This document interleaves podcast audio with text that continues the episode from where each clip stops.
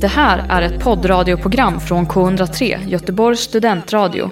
Du hittar oss på k103.se. Av upphovsrättsliga skäl är musiken förkortad.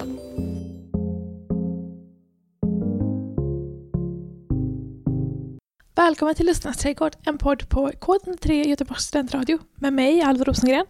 Och mig, Amanda Ekström. Hur mår du, Amanda? Jo, jag mår jättebra faktiskt. Ja, vad kul! Ehm, Men jag har eh, inte... Jag har inte gjort så mycket idag. Förutom att Nej. eh, jag har liksom bara städat och tvättat. Alltså det är ändå, jag har inte tvättat på eh, en vecka. Typ. Så jag har liksom bokat tvättid imorgon eh, förmiddag. Jag brukar tvätta bara varannan vecka. Ja, jag har inte så mycket kläder. Jag har väldigt mycket kläder och jag gör inte så mycket som du heller så det går åt mindre kläder. Du kan inte svettas lika mycket som mig. Ja, så kan det också vara. Eh, nej, nej, men jag, alltså, det är så jag har gått mer än en vecka. Jag har inte tvättat på... Jag har liksom bokat flera tvättfil som jag inte använt sen. Mm. Jag har typ sovit över dem. Eller Ja. något sånt där. Eller något annat har hänt. Nej, men jag mår, jag mår bra. Alltså jag ska berätta om en ny... Dels vill jag fråga dig så här. Mm. Ser jag annorlunda ut idag? I ansiktet? Eh, nej. Fan också. Jag vet inte, vad skulle se annorlunda ut? Eh, att jag skulle ha liksom en, en hud som är väldigt slät och med mycket lyster i. Ja men det kanske är lite så här blank. Ja, eller hur? Ja.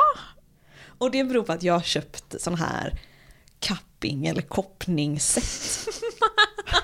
som alltså suger tag i huden som en kopp.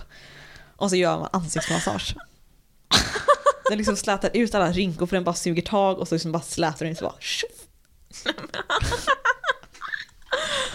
Okej. Ja ja. Mm. Eh, Så det är en ny del av min beauty-rutin. Och eh, jag, jag, Men får du inte blåmärken? Jag tänker på såhär du vet Kylie Lip Challenge. Så fick jo, alla jag har haft blåmärken. Då känns det inte så bra. Tyckte du inte blåmärken är hälsosamt? Eh, nej men jag har bara haft alltså, pytte, pytte lite blåmärken när jag har gjort, men jag ju- learning by doing. Alltså, Ja. jag fick nästan ett litet blåmärke i pannan. Eh, men jag menar, jag lär mig ju hur länge jag kan ha dem på. Ja, alltså det låter spännande tycker jag. Det är, alltså, så har jag köpt en som är, det finns en liten som är för ansiktet. Och så finns det en större då som är för kroppen. Eh, men den för kroppen, alltså jag tror att jag har inte jättemycket problem med typ celluliter. Så att det, Nej. det tror jag är det det är till för. Eh, Jaha. Ja. Men också för att det är lite som typ torrborstning tänker jag. Och massage. Mm. Att det bara är typ skönt också. Och bara så här avslappnande. Så det, det känns väldigt hälsosamt av mig att ha de här Mm. nya eh, grejerna. Ja, Mm. spännande. Men dock vill jag säga en sak som jag har tänkt på. Alltså, för jag pratar väldigt mycket om att jag inte vill ha rynkor i den här podden. Va? Ja men känns som att jag pratar om det hela Nej, tiden. du har aldrig pratat om det. Jo, jag pratar om det. Ansiktsmassage och allting. Ja, jag tycker inte alls det. Ja, ja. Men i alla fall så vill jag säga att jag ändå tycker att det är ganska fint med rynkor. Och mest gör jag det för att det är kul. För jag, jag har inte jättemycket ångest över... Jag har ganska mycket ångest över. Ja, jag har, Jag har och då har du ändå det. mindre rynkor än mig. Men, eh, men jag har faktiskt inte, jag tycker faktiskt det ska bli eh, härligt Mm. att se gammal ut. Inte jag, för jag, jag tror inte att jag kommer vara en fin gammal person. Alltså snygga gamla, go for it. Men jag kommer se ut som en uh, hubba-bubba person. Jo, men alltså jag... Alltså vet, för ibland kan man tänka, du vet så här, vilka åldras kvinnor med, som är fi och med värdighet? Då brukar jag tänka typ, men det är framförallt de kvinnorna som är typ så här vackra, som har ganska så stora drag, liksom, inte de kvinnorna som är Ja. söta. Men så har jag tänkt på det på sistone, så jag varit typ så här, gud det finns så mycket kvinnor som är typ så här, ja men 55 och typ så här är jättegulliga typ. Det är Ja, så himla fint. ja, men det är sant. Ja. Eh, så jag tror att vi har en ljus framtid.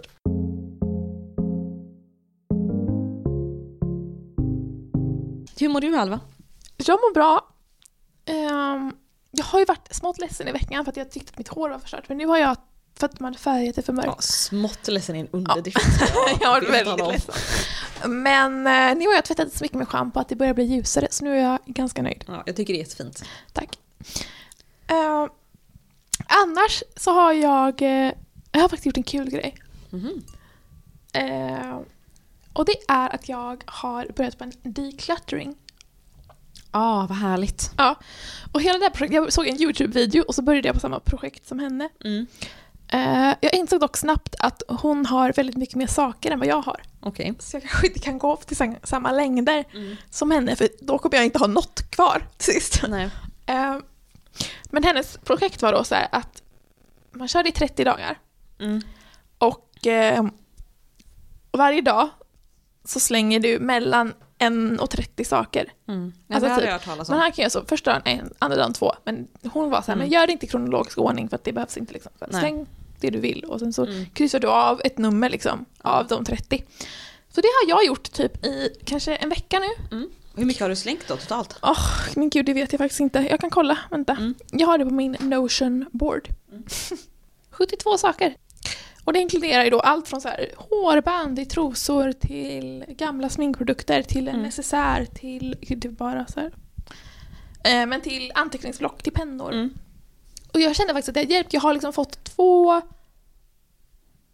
eller en och en halv hylla i min garderob som är och den här garderoben använder jag då till inte kläder utan till typ handdukar, lakan Mm. eh, och sen andra saker typ. Mm. Och där har jag liksom fått två fack som är öppna. Så Mm. det känns jättebra. Eh, och jag tror att jag hade kunnat så här, liksom, göra klart alla 30 dagar.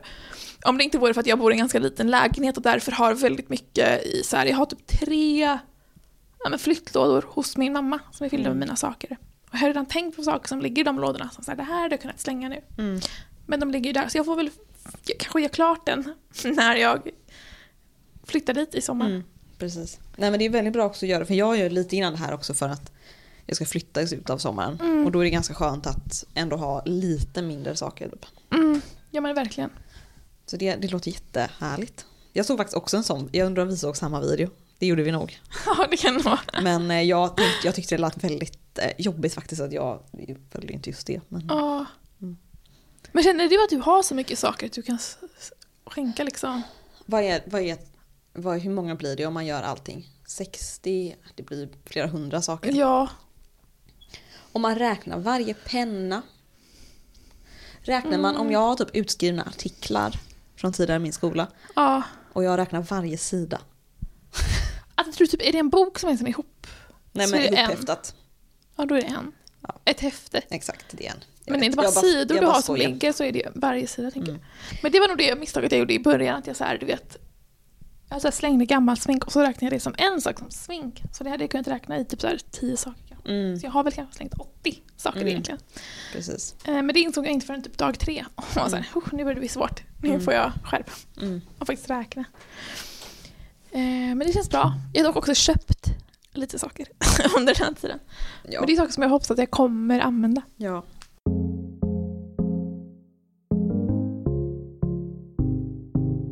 Mitt ämne är ju eh, frågan hur många svenskar tror på det övernaturliga? En fråga Ja. som har ställts i den årliga sommarundersökningen Mm. från Ja, hösten såg det. 2022. Jag såg det typ på SVT, Mm. att de pratade om det. Jag pratade på SVT. Jag såg det här om dagen för att jag följer ju eh, Instagramkontot. Dels har jag gjort praktik på Mm. sånt så att jag är ju en alltid öppen eh, därifrån. Du är men, en som girl. Verkligen. Eh, men eh, jag följer ju Instagramkontot forskning.se. Vilket Ah. är, Vad sexigt det låter. ja, jo jag vet. Visst är det sexigt att jag gör det? Alltså jag tycker hela SOM-institutet är jättesexigt. Ja. Ja, okej. Wow. Ja, Jag tycker att alla forskare är sexiga, så ska inte vara så. ja, jag Ja. känner mig Känner du dig objektifierad? Nej, nej, inte objektifierad, men tveksam till ditt uttalande. Ja, okej. Men, men i alla fall, när jag följer ju Instagramkontot forskning.se, som Mm. för övrigt är ett sånt konto som jag känner så här. Alltså då känner jag mig så nördig när jag följer det. För att jag är bara Mm. typ så här, gud det här är så, alla de här nyheterna, för de liksom rapporterar om svenska, framförallt samhällsvetenskapliga nyheter tycker jag. Mm. Eh, det känns som att de gör.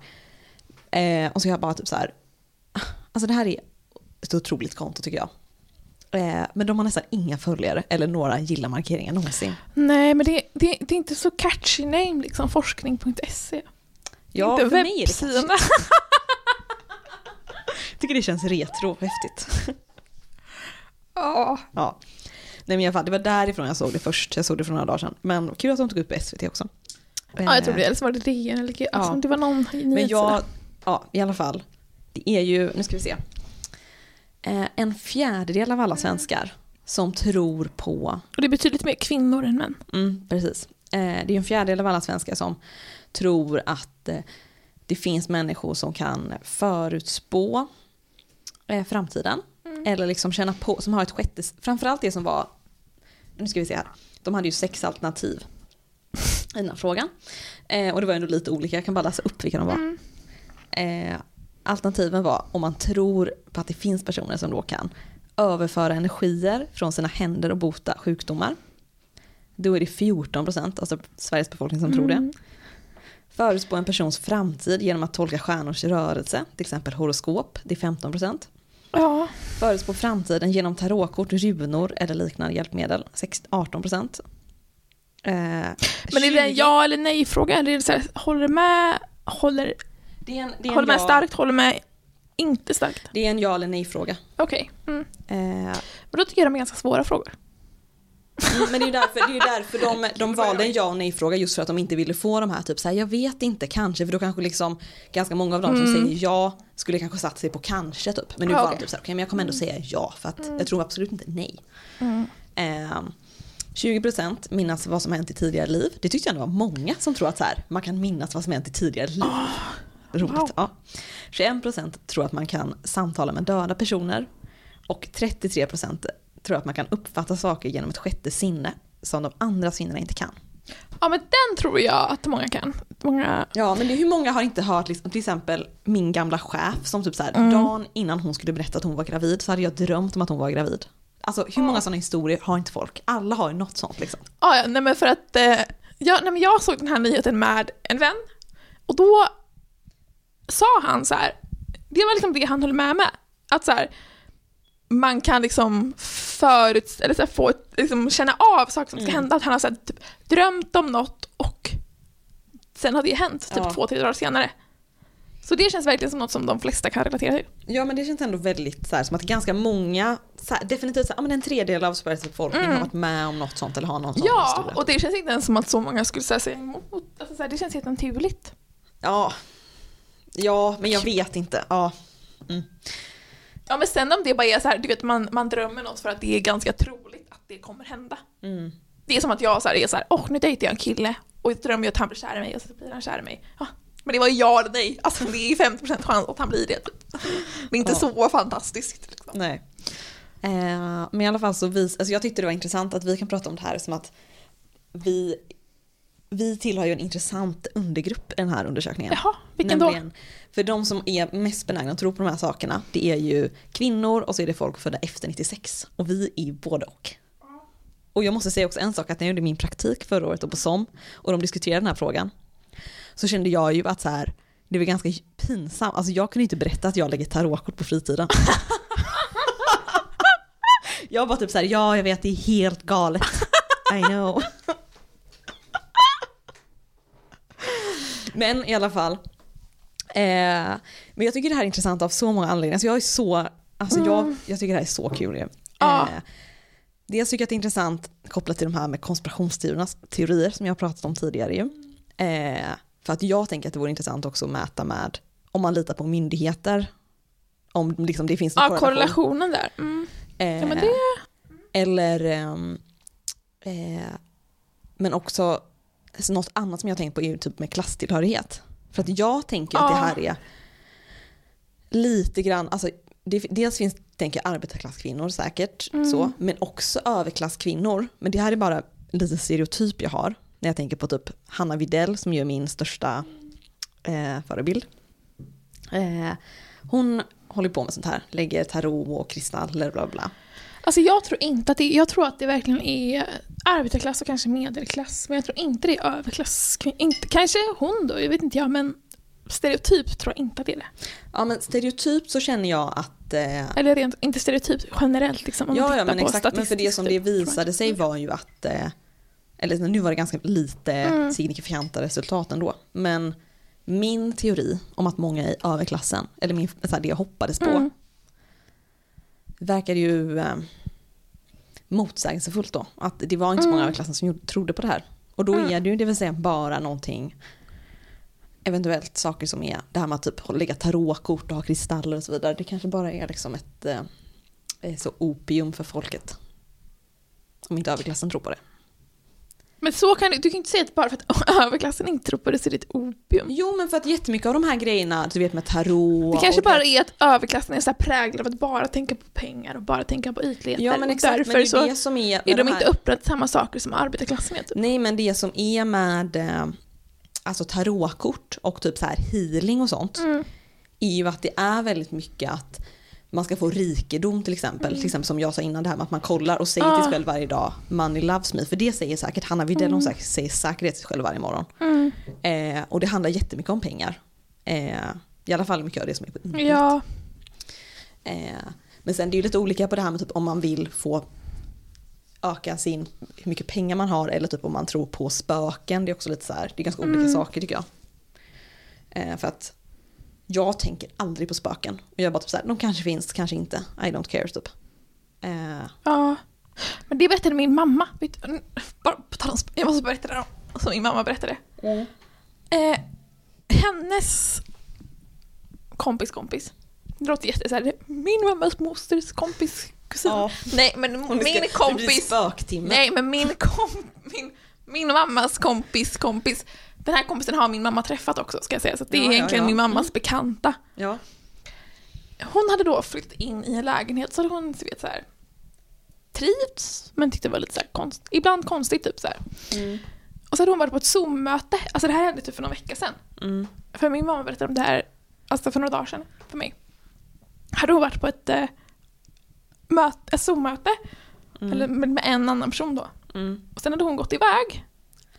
Alltså typ Ja. på toa under Zoom-mötet så hennes kamera liksom varit tom Mm. du vet. Och då så gick hon på toa och så kom hon tillbaka och så var hon så här. eh, den här personen som hon satt i mötet var så här. Ah, är din son eller kille hemma? Eller så här. Hon bara nej. Och undrar Mm. hon bara så här, nej men det var en, alltså det var en skugga. Usch. Ja. Och grejen var att den här personen hade en screenshot på Oj. skuggan liksom. För att Mm. hon hade varit så här, hmm. Ja om det är en typ någon... För hon hade ju vetat så här, jag tror att den här personen, alltså att hon är ensam hemma. Ja. Och hon liksom tagit det och så var hon så här, är, de, är någon av dem, hon kanske inte sa så, är de hemma? Utan det var mer Nej. så här, är någon Ja. hemma? Mm. För då hade det liksom varit någon som stod, alltså så här, du vet, en så skugga av en Ja, person i, Mm. hon satt väl i köket eller något sådär. Mm. Ah, så hon hade flyttat ut från en lägenhet nu. Oj. Och jag kände Direkt. same. Ja. Alltså det här, min mamma Ja. fick reda på det här för någon vecka sedan men hon hade verkligen, det här kanske var för typ någon, en, två månader sedan. Ja, Och sen nu hade hon flyttat ut. Jag Mm. bara såhär, jag med. Ja. Fast samtidigt vet jag att jag kanske hade så här trivts att bo med ett spöke. Alltså det är ju ganska många som inte flyttar som ändå är typ såhär, ja ja det får väl vara. Så länge de inte är liksom våldsamma.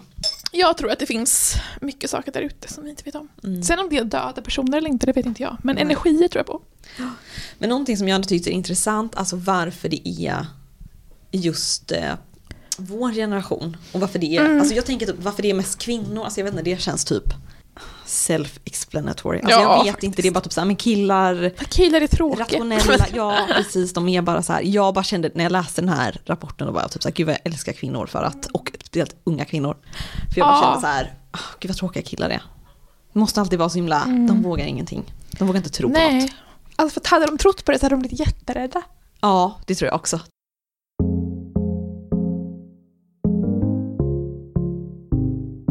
Nej, men efter lite avbrott, min fråga, min Mm. värdering är ju bara varför eh, det är just vår eh, generation som är intresserade av det här. Mm. Eller liksom som tror på sånt där. Ja.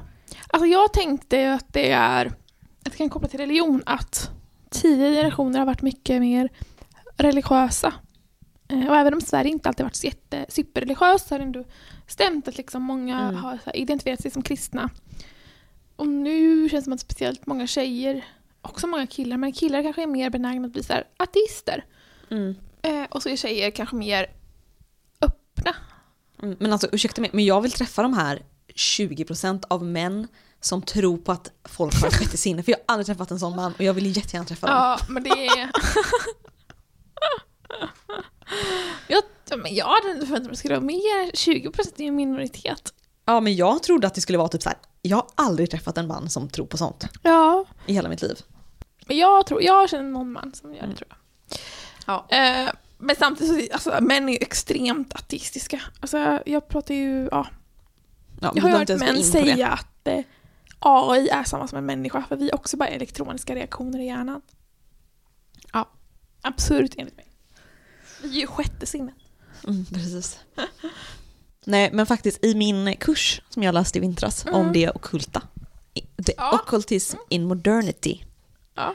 där säger de ju också att eh, eh, små, mindre liksom, rörelser kan ju gro mycket lättare i moderniteten, Mm. där vi inte har liksom en hegemonisk kristendom eller vi har inte liksom mycket stora ideologier att tro på, utan man kan ju hitta sina egna små grupper och tro på sina egna små, och Mm. Bygga upp sin egen mening liksom. Och då blir det ju så att man får mycket Ja. mer, Men mindre jag, så. jag tänker på det, är inte kvinnor bara mer benägna att samlas som grupp i, i alla fall? Alltså har du tittat på alla så här typ alla band som någonsin har varit stora, alla artister som någonsin har varit stora, Mm. har det alltid varit majoriteten kvinnor som har samlats runt om.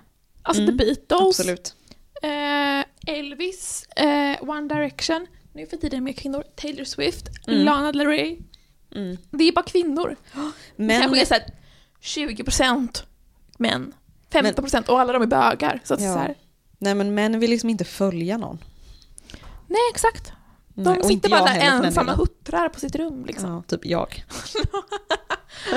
Nej för du sitter och lägger tarotkort. Liksom, Jo, förvisso. Men uh, Alltså så här, ja men jag tror verkligen det. Alltså så här, du vet jag såg, huttrar med the spirit.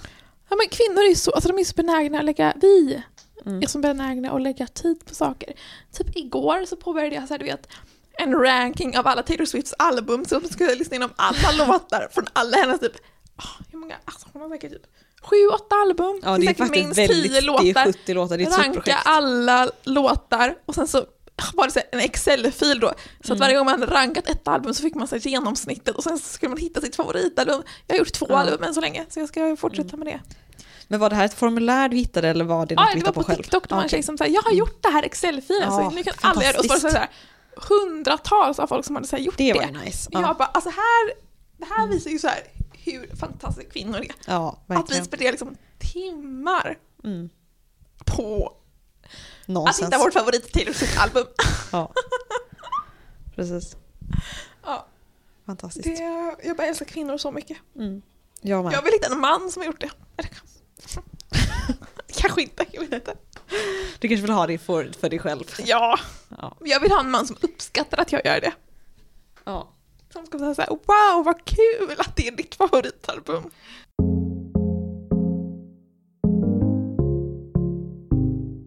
Jag har läst en bok som heter Kiring Sverige av Andreas, Andreas Cervenka.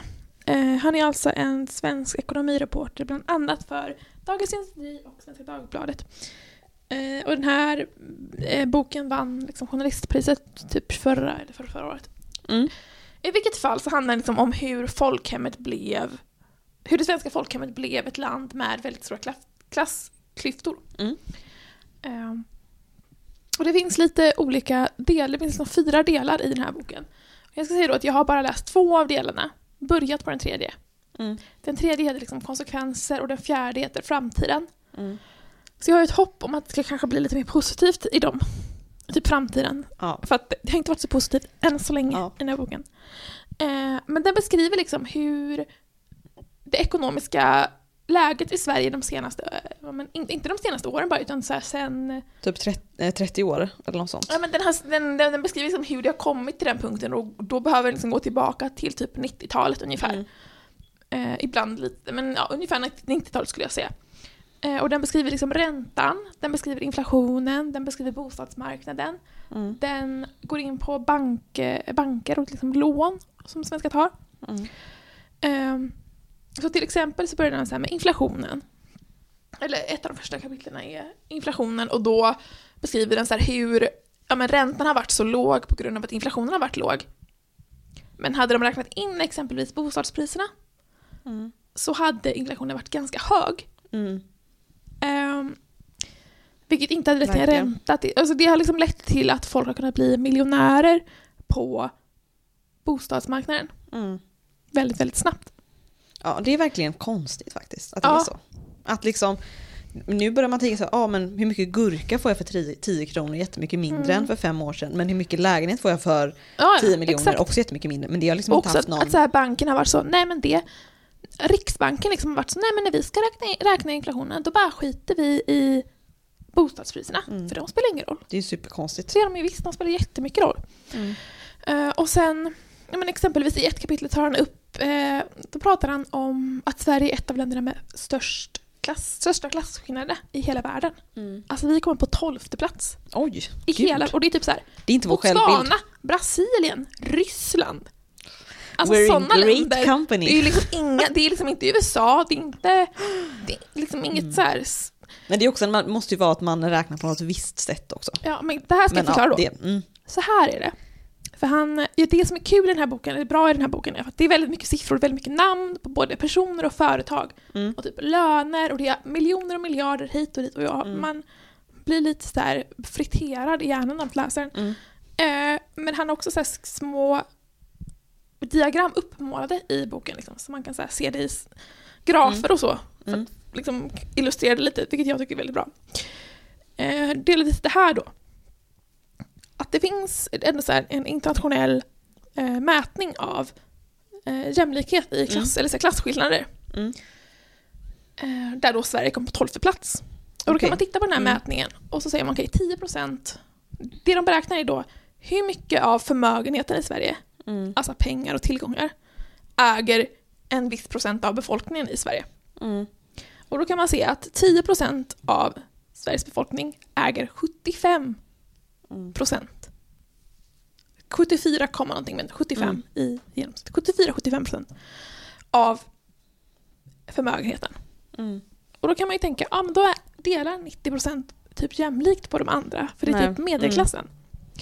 Nej, om, man, om man går och tittar på de 10 procent Mm. fattigaste personerna, de här högsta 10 procenten var ju de som äger Mm. 75. Fattigaste 10 procenten, de äger alltså minus Oj. 2,4 procent. Ja, Eller om det var, ja, de har skulder liksom. Bara. 2,5 procent, minus 2,5 och 50 procent av befolkningen äger minus 2,4 procent. Oj. Mm. Jag antar att du och jag, Amanda, hamnar i den Minuskategorin ja. 2,5 eller så här 50 procenten fattigaste personer i Sverige. Ja, ja, ja men gud ja. För vi är inte bland de 50 procent Nej, jag har bara personerna. skulder. Och då kan man tänka sig, ah, då är det de andra 50 procenten som eh, äger allting. Mm. Nej, för tittar du på de 80 procent fattigaste, då är det alltså 20 procent över bara. Ja. 80 procent av Sveriges befolkning äger typ 13 procent Mm. av hela förmögenheten i Sverige. Det är ju helt sjukt. Mm. Och då har jag känt så här, det här var ju det vi diskuterade om det skulle bli ett kommunistavsnitt eller inte. Ja. Men jag känner så här, jag är inte arg, jag är inte ledsen, jag är bara så här helt uppgiven. Jag vet inte vad jag ska göra åt det här. Nej. Alltså om det här har pågått sen så att du vet 80-talet, vad ska, jag, vad ska lilla jag göra? Jag får väl bo i en skokartong då i framtiden. Alltså vad ska jag göra? Mm. Det är lite så jag känner. Han pratar om det här, du vet, typ en etta i Stockholm. Då behöver du en halv miljon i kontantinsats, Mm. eller kapitalinsats, Mm. och minst 46 000 i lön. Mm. Det är ju helt sjukt. Ja. Och det är en etta, och det är Stockholm vissa, men om vi tar Göteborg där jag typ bor och lever och har växt upp.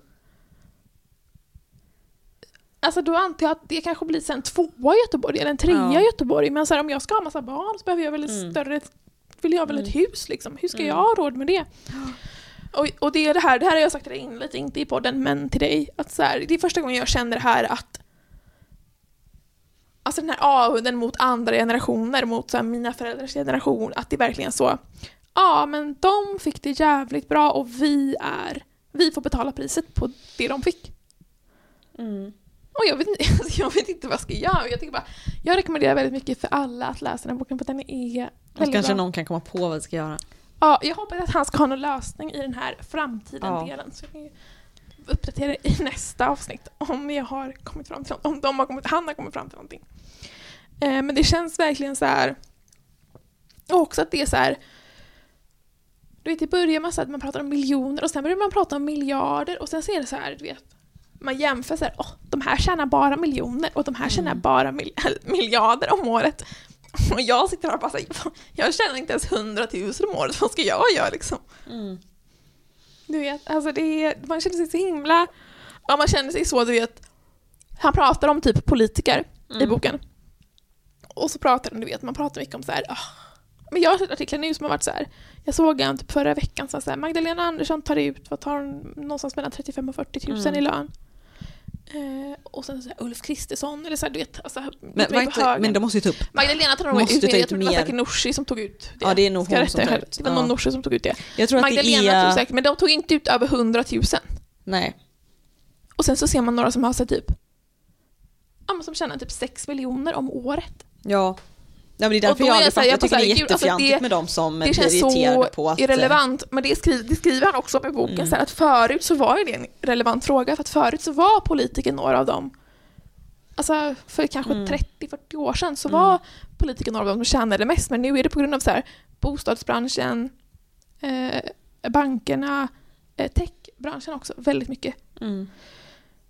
Att de tjänar så himla mycket pengar att de som politiker har du liksom inte så, så, så stor chans att göra så mycket. Alltså Nej, även om du tjänar inte. mer än liksom, du är inte liksom arbetarklass men, men du kan liksom inte få de finaste lägenheterna. Du kan Mm. inte få det som man typ associerar när man tänker på det så associerar man det med den finare klassen. Det Mm. får du inte som politiker längre. Nej. Eh, och han, han pratar också med den här boken om så här hur, hur det har lett till att politiker nu på så här slutet av 90-talet, början av 2000-talet och så, Mm. när de har gått eh, när de har gått ut ur politiken så har de liksom finns det en grupp som har börjat så här, ja men engagera sig mer ja, men i, i ja men Region. affärsområden där Ja, det affärs, inte är så ja. mycket pengar och Mm. en annan del som typ har han pratar om hur väldigt många inom fastighetsbranschen tjänar Mm. väldigt mycket, många pengar på typ eh, samhällsfastigheter, vilket Mm. är typ äldreboenden Mm. och så vidare, förskolor och så vidare. Mm. För att de, där kan du alltid räkna med att hyrorna är betalda Ja. Mm. och att, de, liksom, att det finns pengar Mm. att betala dem med. Och det är ett flertal politiker, alltså politiker som har gått in i den branschen och sen tjänar miljoner Mm. på det. Mm. Och typ så här, och det är också så här, det är inte bara så här ah, högerpolitiker som man kanske så här, om man bara hör Nej. det så tänker man det. Eh, Men bland annat tar han upp liksom, mm, alltså politiker som har gått in i näringslivet och börjat tjäna pengar är typ Göran Persson. Mm. Alltså du vet så här, socialdemokrater Mm. som går in. Eh, och det är... Ja, men det, det, han, han beskriver det lite som, han tar något citat från en person som beskriver det som att politiker har liksom inställningen att nu har jag varit liksom i, i det offentliga så länge, nu ska jag börja tjäna pengar. Mm. Och det gör de för att, Men det är väl också det som blir lite på ett sätt eh, korruption, att man eh, att man just går från, man säger man, man Ja. går från en stol till en annan liksom. det ja, där. alltså det, det är så här, man, man kan kalla det korruption, men mer är det väl så här att när du har jobbat, när du har varit liksom i, i regeringen Mm. eller riksdagen eh, så har du ju liksom ett kapital på kontakter. Mm. Och för näringslivet så är det väldigt viktigt att få kontakter så då är de villiga att ge dig en bra lön för att du har kontakter i Mm. Alltså alla kommer känna igen ditt namn. Har du varit statsminister då kommer ju alla känna igen ditt namn Mm. när du hör av dig. Och alla Wow. kommer veta att du känner alla i... Du har varit på möten med alla Ja. i den här branschen. Och du respekteras av alla. Mm. Så då har du så himla stor makt. Att det är liksom din grej. Att komma in i branschen och börja tjäna pengar. Mm. Men det är inte det som är poängen med att bli Statsminister. Nej. Men det får man ändå hoppa, gud hoppas inte att Ulf Kristersson har tänkt så. Att han Ah, blir nej. statsminister hemskt. Mm. Usch, gud jag hatar honom. Så mycket. Nej, men, det, men också så att du vet techbranschen också så här, han beskriver hur folk tjänar pengar på så här, pensionsfonder Ja. och så. Och, man, alltså, och jag, så här, du vet, jag, jag tänker att jag förväntar mig att jag ska bli arg eller ledsen men jag blir bara så här, du vet, uppgiven. Jag vet inte vad jag ska göra. För det är Mm. så stora siffror. Alltså, när någon, här, de tjänar 200 miljarder om året. Ja, men alltså vet du vad jag, min känsla alltid, det som har varit min känsla de senaste månaderna. Den är ju så Ja. här. Den är verkligen inte samhällsomvälvande. Tvärtom. Däremot, eh, den är alltså djupt konservativ. Men den Ja. är ju eh, att jag tänker så här, fine. Mm, även om jag kanske inte nu har miljarder i sikte. Mm. Men man vet ju aldrig. Så tänker jag att man eh, får jobba då för att eh, för ens barns skull. Mm. Och liksom ens familj. Att för man tänker sig att om man ens skulle vilja göra en sån klassresa så tar det många generationer att göra. Liksom. Mm. Och så vet man inte om ens barn kommer vilja fortsätta på den överhuvudtaget. Och om man själv ens kommer vilja göra den. Men eh, att man får typ så gott, nu har jag ju inte, jag tänker ju inte alls här egentligen. Alltså jag sparar ju inga pengar. Jag bara shoppar upp allting för jag ser det som en investering i mig själv. Eh, vilket jag också tycker att så här, det är inte helt illegitimt. för man Nej, blir, det är det inte. ett eh, glatt humör är ju ganska Alltså grejen Bra. är, men det är inte så att man inte kan överleva eh, Nej men i alla utan fall, att vara jätterik. Men det är, ja. nej, men i alla fall om man tänker så tänker jag ju så här, ja men det jag kan göra är ju att försöka spara pengar och liksom också köpa bostäder liksom, och bli en del av det systemet på ett sätt. Liksom. Och även om inte, jag har verkligen noll förväntningar på att mina barn och barnbarn någonsin skulle kunna bli en del av Sveriges 10% rikaste, säkert inte liksom. Men däremot att eh, man får ändå tänka på något sätt att det är väldigt långt, alltså så här, det är längre än, mi- än mitt liv antagligen. Ja, alltså, jag, har inga sådana, och jag tycker inte heller att för mig känns det inte som att det skulle behövas heller. Men alltså, det är väldigt hemskt att det är så, och det är speciellt hemskt för de som är Mm. i de fattigaste. Liksom, alltså, jag har det ganska bra ekonomiskt, liksom, vad säger man, skyddsnät runt mig Mm. i min familj. Liksom. Ja, alltså det har ju jag också. Men ändå, jag tror att jag kanske är ganska så här, vet, drastisk eller extremistisk i mitt eh, tänkande. Men jag tror att så här, Att när, jag, att typ, min... när jag läste den boken, jag var så här, kan jag ha två val i livet. Antingen så liksom, gifter jag mig med en superrik men det kommer du, aldrig, du kommer aldrig kunna Nej. göra det. Alltså, eller så blir jag kommunist. Det är mina två val. Ja, men för du kommer ju aldrig, alltså ingen, alltså det skulle vara verkligen, Nej. för det är det som är också med klasskillnaden att det är, Mm. för det sa jag också till mina föräldrar faktiskt häromdagen, eller inte häromdagen, häromveckan, när vi, efter Mm. vårt förra kommunistavsnitt. Att just det här att men det finns ingen chans för mig att göra en sån klassresa för att dels jag skulle inte ens kunna gifta mig med en sån man. För det finns ingen chans att jag skulle, det skulle ju aldrig gå liksom, det skulle aldrig hända. Men, Men jag tror, alltså jag vet, eh, men, men jag vet ändå liksom, ja. ja men det är ju skillnad på typ så här, visst jag kan gifta Alltså mig med någon som är upp, och då kan man ju upp för att vara så här, ja. Men det som är skillnad är ju typ såhär, visst jag skulle kunna rika mig, gifta mig med en rik överklass från Göteborg, whatever liksom så här. Mm. Men det är ju skillnad på det som blir någon som är så här miljardär. Alltså det finns ju ändå skillnader att gifta sig med någon som är ganska rik och någon som är superduper rik liksom. Och Mm. Ja. de tror jag aldrig jag skulle kunna gifta mig med. Nej. Mm. Ehm, men, Men det jag, jag, tror ändå som det, är... så här, du vet, alltså, så här, jag, tror, jag tror speciellt det att jag så här, vet att så här, om jag bara hade så här, bortsatt allt intresse, alltså så här, om jag bara skitit i så här, det här tycker jag är kul. Då hade jag ju kunnat bli liksom så här, jag hade kunnat jobba, börja jobba på en bank. Ja, men min po- poängen med den här boken är väl nästan att... Ja, är poängen är att det inte går att arbeta sig upp, men ja, det är väl det. Ja. Men jag tror i alla fall Men jag att en tänker att jag anledning... genom det så har jag jobbat på en bank och sen jobbat mig upp till en chefsposition och sen Mm. träffat en rik bankman och sen gift mig med det. Ja, ja, du hade säkert kunnat bli jättemycket rikare än vad... Men jag vill ju inte det, alltså jag tycker det låter fruktansvärt tråkigt liv. Men, Mm. eh, Men ja, man kan det, ju där, att därför ger mig så mycket ångest den här boken. Ja, Ja. men man kan ju, alltså som jag, varför jag tror att jag inte får lika, lika mycket ångest av den är för att jag är ändå uppväxt med föräldrar som har liksom sitt hus och som har hyrt ut sitt hus. Mm. Och de, visst, de har verkligen inte gjort eh, någon så här miljardärsvinst på det, men däremot så vet jag ju Ja. om att så här, man kan faktiskt, för det är ju ganska, i Sverige har vi ju inte liksom riktigt en kultur av att starta eget, äga saker. Det som blir så socialdemokratisk grund är att folk bara tänker att man ska ha ett fast jobb, men fast där ska man ha ett lån och så ska man köpa ett ställe där man kan bo och ska man ha ett fasta jobb för att kunna ta ett lån. Liksom. Men om man äger saker och kan hyra ut dem till exempel, eller liksom skapa en inkomst på det sättet, så sätter man, blir man ju mycket mer fri och man kan också... Ja, men det är lite det det- han att det beskriver. därför Det, han jag- beskriver i boken är ju att den möjligheten fanns för våra föräldrar, men den finns inte för oss. Så Mm. vi kommer behöva liksom, vill du köpa ett hus så kommer du behöva eh, liksom en miljon, två miljoner på liksom, som kapitalinsats för att göra det. men jag tror i alla fall att det är För att där... räntan nu sätter, nu kommer de inte vilja ge ut lån, bankerna. Nej. Alltså förut var det liksom, du kunde ha 85% lån på huset du köpte. Det kommer inte vi kunna ha, vi kommer, alltså inte alls. Nej, men mina föräldrar har ju byggt sitt hus själva så de hade inte så mycket lån heller. Nej. Eh, men så att jag tror att det är därför jag har ändå så här, jag tänker att för mig, jag har ändå inställningen, nu tänker inte jag samhället stort, men jag tror att för min del så tror jag att det kommer lösa sig ganska bra på något Mm. sätt liksom. Eh, och just med att till exempel kunna ja, renovera hus själv och så vidare, liksom, det är något som jag har med mig från min familj. Att så här, eh, Men som inte är liksom, det, det handlar också om bostadsbranschen, men inte på liksom, som ett mellanting. Mm. Av att liksom hitta sätt man kan tjäna pengar på kapital utan att man nödvändigtvis måste lägga ner Ja. all sin tid. Eller så här, det måste inte vara att man alltså går ifrån jag alla är- sina jag är värderingar på det. Alltså helt ärligt, när jag läser den här boken så känner jag mig så här, du vet vissa saker känner jag mig så här, gud jag är så fattig.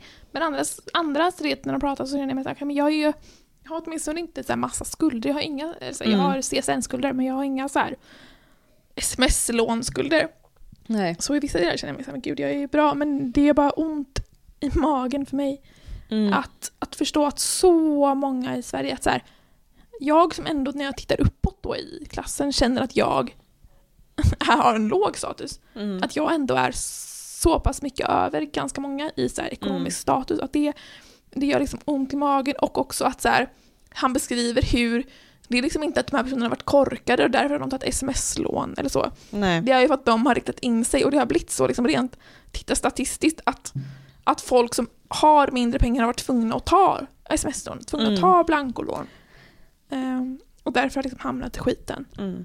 Och att hur det bara har ökat och ökat och ökat. Och det finns Alltså det finns så få regleringar på det. Mm.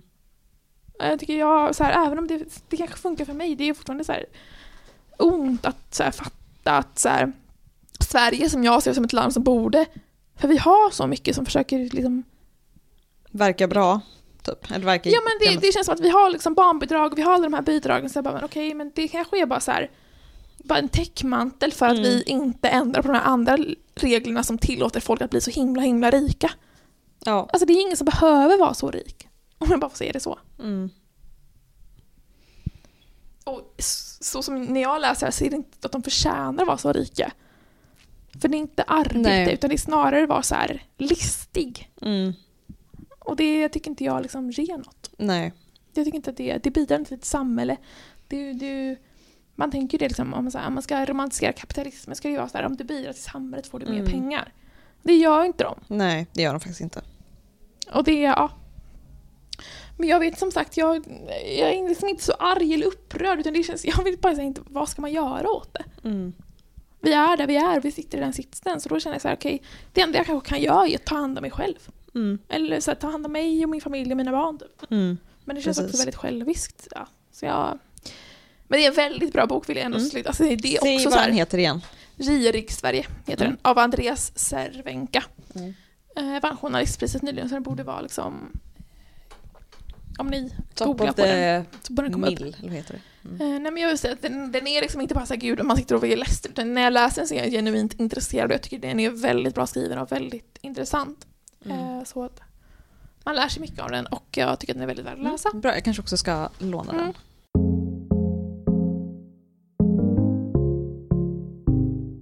Okej, Gift vid första ögonkastet. Mm. Vi Vi, såg är ju alltid en vecka sena, det är ju det som är så Ja. jävla dumt. Vi borde ju släppt avsnitt på jag vet inte, sönd- Måndag.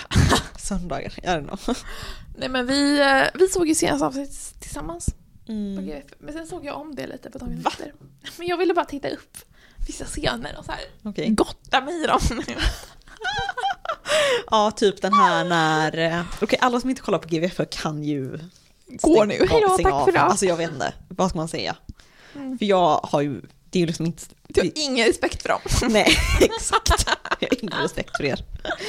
Nej men jo det har jag faktiskt. Jag har faktiskt jättemycket respekt för folk som inte kollar på GVF. Nej, men det här handlar eh, inte bara om eh, det, det, det är ändå relationer. Ja, det är en samhälls... Mm. Jag kommer inte göra en samhällsanalys av det här. Jag kommer bara säga att de är idioter.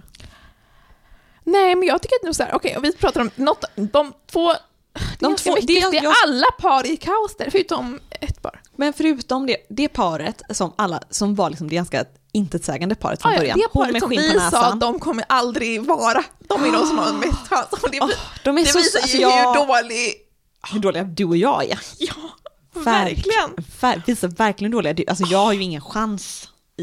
Det är det här varför vi inte är tillsammans med någon. Ja. För att vi så, det kommer inte funka. Ja, Till det mest hälsosamma som finns. precis. De, var, de är ju så, Ah, så söta och så fina. Alltså jag, alltså jag är typ kär i båda dem. De känns som de sötaste Ja, människorna. de är väldigt gulliga. Eh, sen kanske jag tycker de är lite tråkiga. Men jag tror det är mer problem på min sida än Ja men så här, De- det är liksom inte, de är inte så här excentriska personer och det är typ Mm. fine. Alltså man kan också bara få vara Ja, alltså de är bara så glada och gulliga och det är jättefint. mm. Typ. Men sen har vi ju typ, ja men August och Caroline. Ja, som var det paret, hippieparet. som jag typ hejade på mest när jag, Mm, bara, jag när jag bara såg bilderna på dem. Precis. Ja. Men jag tycker det är ganska tydligt att hon, Har problem. nej men det är faktiskt inte bara hon, alltså så här, för jag, jag har läst lite så här, du vet andra så jag har gått med i Mm. en Facebookgrupp som heter Diskussion om gift i första ögonkastet. Gud, det Där bland annat han August är med i gruppen! Va? Han verkar så kul. Det var han så här, den enda kommentaren jag såg av honom var så här på ett inlägg som var så här. Ja, nej, men jag uppskattar era kommentarer och diskussioner. Det är kul att få insikt i vad andra tycker. Ibland borde ni tänka på att det faktiskt är personer typ. Men annars tycker jag han var jättegullig. Ja. Eh, Ja. men han, annars var det inget mer, han, han skrev liksom inget skvaller eller så. Men, eh, men det jag tänker så här, visst, för det som händer i den här, det här avsnittet är ju att August öppnar bildörren hon Mm. kör, Ja. Caroline kör och hon blir väldigt upprörd. De kör på Ja, en motorväg typ, eller någon 70, Ja, 70-väg 80. minst i alla fall. 80. 80 Ja. km i timmen kör de. Mm. Och det kan jag nog förstå. Ehm, alltså Ja. jag har inte ens körkort men jag får ju panik av tanken. Ja. Nej men jag, jag förstår henne, jag tycker det Mm. men samtidigt så tycker jag kanske att hon reagerar väldigt mycket. Alltså, De måste så- prata om det kanske, men det blir en väldigt stor grej. Det hade inte behövt bli jag, det. tyckte, jag tyckte Men, att det var eh, intressant för att jag läste det och jag är inne på Twitter väldigt mycket nu för Mm. att det, på Twitter är det mycket diskussioner om Mm. GVFÖ. Eh, och då var det en som skrev så här att det med Caroline är att hon, när hon pratar om sina känslor, typ skrattar samtidigt. Mm, ja, Att verkligen. här, alltså jag blev så upprörd. Ja, Och det Mm. är det är som att hon är beredd på att de, hennes känslor inte kommer tas seriöst. mm, Och jag känner att jag kan relatera till det. mm. Att, jag, att man så pratar om något som man faktiskt tycker är jobbigt och man faktiskt menar. Men sen så, så skrattar man och hon har ju pratat om det i, i andra avsnitt. Med coacherna. typ. Ja, att, Mm. att så här, jag har varit i relationer där jag inte har blivit respekterad. Där jag Mm. har, alltså, som har varit ganska destruktiva liksom. Mm. Eh, och jag tycker att det liksom speglar det och jag tycker att så här, Mm. väldigt mycket som händer i deras relation speglar det mot henne och det säger ju även han, Kalle. Eh, Ja, till henne. Men samtidigt så tycker jag att i det här, just det här ögonblicket så tycker jag ändå att man så här, man måste ändå ta ett steg tillbaka och säga så här, men det han gjorde var ju faktiskt. ja, ja absolut. Alltså hade en polis stått där hade de väl så här börjat Mm. köra efter dem och så här, bara, vad fan håller ni på med? Ja, det, ja, kanske det. Men, nej, men jag håller med, alltså, i just det fallet håller jag absolut med om att han, vad heter han, Ja. August? Ja. Eh, att det var väldigt eh, konstigt gjort av honom. Mm. Eh, men rent generellt i deras relation så tänker jag att det ändå är mest Caroline som har problem. Jag menar inte att hon är dum på något sätt men att hon är den som bär på Mm. mest eh, bagage liksom. I alla fall Ja. för att man vet, han August, alltså vi, Alltså han känns Han- ju ganska trygg i sig själv. ja, men alltså, vi har aldrig fått höra att han, varför är han med? Alltså, vi har aldrig fått höra typ, så här, vad han haft för problem i relationer tidigare. Mm. Alltså jag minns inte det från första avsnittet i alla fall. Men Nej. så här, jag det såg, känns som att det är mest... Eh, Jag såg en teori om att han var med som ett konstprojekt. ja, Nej men Men- jag, jag tror att han... men han jag är med för att fatta- det är jag kan fatta att han, han verkar som en person som är väldigt charmig. Nu kanske inte hans charm har fastnat på henne, vilket han Nej. säger. Han säger så, men jag fattar inte varför min lekfullhet Nej, han, jag tror att han är väldigt ovan vid att eh, det inte, inte funkar. För att det hade ju funkat för mig. Ja det hade funkat Alltså, för mig jag också. hade uff, fallit. Mm. Ja, Men sen så tror jag att hans livsstil inte drar in lika många. Att vet, efter en månad, två månader så är det så här, Mm. ah, men jag kan inte tänka mig att så här, bo i ett hus med ett bajspalats. men jag, Jag tror inte inte att det är, alltså jag tänker ganska många, alltså det borde finnas andra hippietjejer som vill det. Ja, men jag tror inte, inte jag tror faktiskt att det är, är mindre benäget. Jag tror att många, många tjejer som tänker sig att de skulle kunna göra det vill kanske inte Men jag det. tänker att han kan träffa någon i samma community som han själv lever Ja, men det i. kanske inte finns så många. Jo, det finns många Eller så vackra finns det kvinnor bara- där. Ja, men det kanske finns tjejer som han har som Legat med redan. med. Alltså som Ja. han klaschar på andra sätt med. Ja. Det är inte bara hus, hushåll som ska Nej. fungera. Nej, men jag undrar bara vad det är, för det är någonting med... Men jag, jag vet inte vad det är för fel han har. Nej.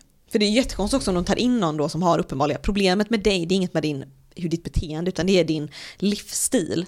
Då är det väl Nej, ingen chans Jag att... tror också att de, de söker inte folk som har problem. Jo, men folk, nej men folk som söker in söker Ja. för att de har problem. Nej men han kanske bara var så här, okej nu är jag så här gammal och jag har inte träffat någon. Alltså de senaste, han bygger ju fortfarande på sin toalett så det kan ju vara så att de senaste åren har han byggt på det här huset och därför inte kunnat träffa någon. Ja, men jag För tänker tänk ändå dig, nu har han ingen toalett, men för typ ett år sedan kanske hon inte ens hade ett vardagsrum. Då hade han bara liksom en säng. Nej men rent generellt tänker jag att de som söker in till programmet måste ju vara folk som är ofrivilligt singlar vid 30 års åldern. Att så här, ganska många av dem tror jag ändå har något problem och rent i allmänhet, även om man inte ens, man kanske har varit i liksom jättelånga bra relationer, så tror jag ändå att alla människor har ju något dating och relationsproblem. Men vi har inte fått reda på vad han oroar sig för eller vad han tänker mycket på. Alltså vi har inte fått reda på någonting av vad han brukar ha Ja, för men jag, issues. jag tycker ändå, alla har det, ju jag tycker ändå att det liksom. kommer fram när han säger till Caroline så här. När du säger att du inte gillar det så vill jag bara provocera dig mer. Ja, det, Det visar ju ganska tydligt för han kanske, han kanske pushar sina partners för mycket. Ja, Att han inte respekterar deras gränser. Mm. Eh, Då är han ju exakt som hennes tidigare killar. Och de är typ såhär, hon Ja, men han behöver inte vara exakt, han, han, för hon säger själv att han pratar mer om, han är en väldigt känslig kille. Mm. Eh, eller verkar som det i alla fall. Men han kanske är det mer i andra aspekter. Ja. Liksom, att han liksom har känslor, men att han liksom, Han tycker inte det är så viktigt med bildrören så han bara fattar inte det typ. ja att han så här, du vet, men han, har väldigt, han har ju en väldigt alternativ stil, både i så här, men i livsstilen Mm. liksom. Och, och att det leder till att han går över gränser och sen inte förstår det. Han, Mm. han vill liksom pusha folk till att komma till hans punkt och sen så gör han inte det. Och det tror jag kan Ja. Ta bara så här, statistiken på bilkörning, det är ju fler män som dör i bilkörning för att kvinnor är mer försiktiga. Ja, absolut. Det kanske är det, det problemet med hans dejt kanske är att han alltid öppnar bildörren. Exakt. Han då kör reckless. Men ganska många kvinnor tycker det är sexigt med män som kör reckless. Eh, inte när de kör. Nej, inte om man sitter bredvid, man själv kör och typ han sitter och är reckless bredvid. Han dörren och bara förstör. tick, tick, tick. Nej, no. Nej, det är inte så sexigt. Eh, Ja. Nej. Men du hade ju lite gossip om eh, Ja, det är det här. militären. Vad är det han heter? Alltså, det är inte mitt... Det här, jag lyssnade på en podd du, från... du kan se att du bara hört det från en källa. Ah, Jag hörde från en källa, Ja, en podd. en källa i, in i värmen så att säga. Ja, exakt. Men att eh, en viss person i GVF är från Knutbysekten. Mm. Militärmannen. Ja, det vill säga militärman. Som vi inte, jag vet inte vad han heter. Ja, någonting. Heter alla något på? Jag vet att hon heter Ida. Arvid. Arvid. Mm. Mm. Gulligt. Han bor i, man vet ju att han har, eller bor i Knutby, alltså hans familj. Hans mamma bor i Eh, Knutby. För det så har det de är inte visat. så far stretch att Nej, han hade varit... Men också han hade varit så liten då, eller? i Eller han hade varit Knutbysekten. tonåren då kanske.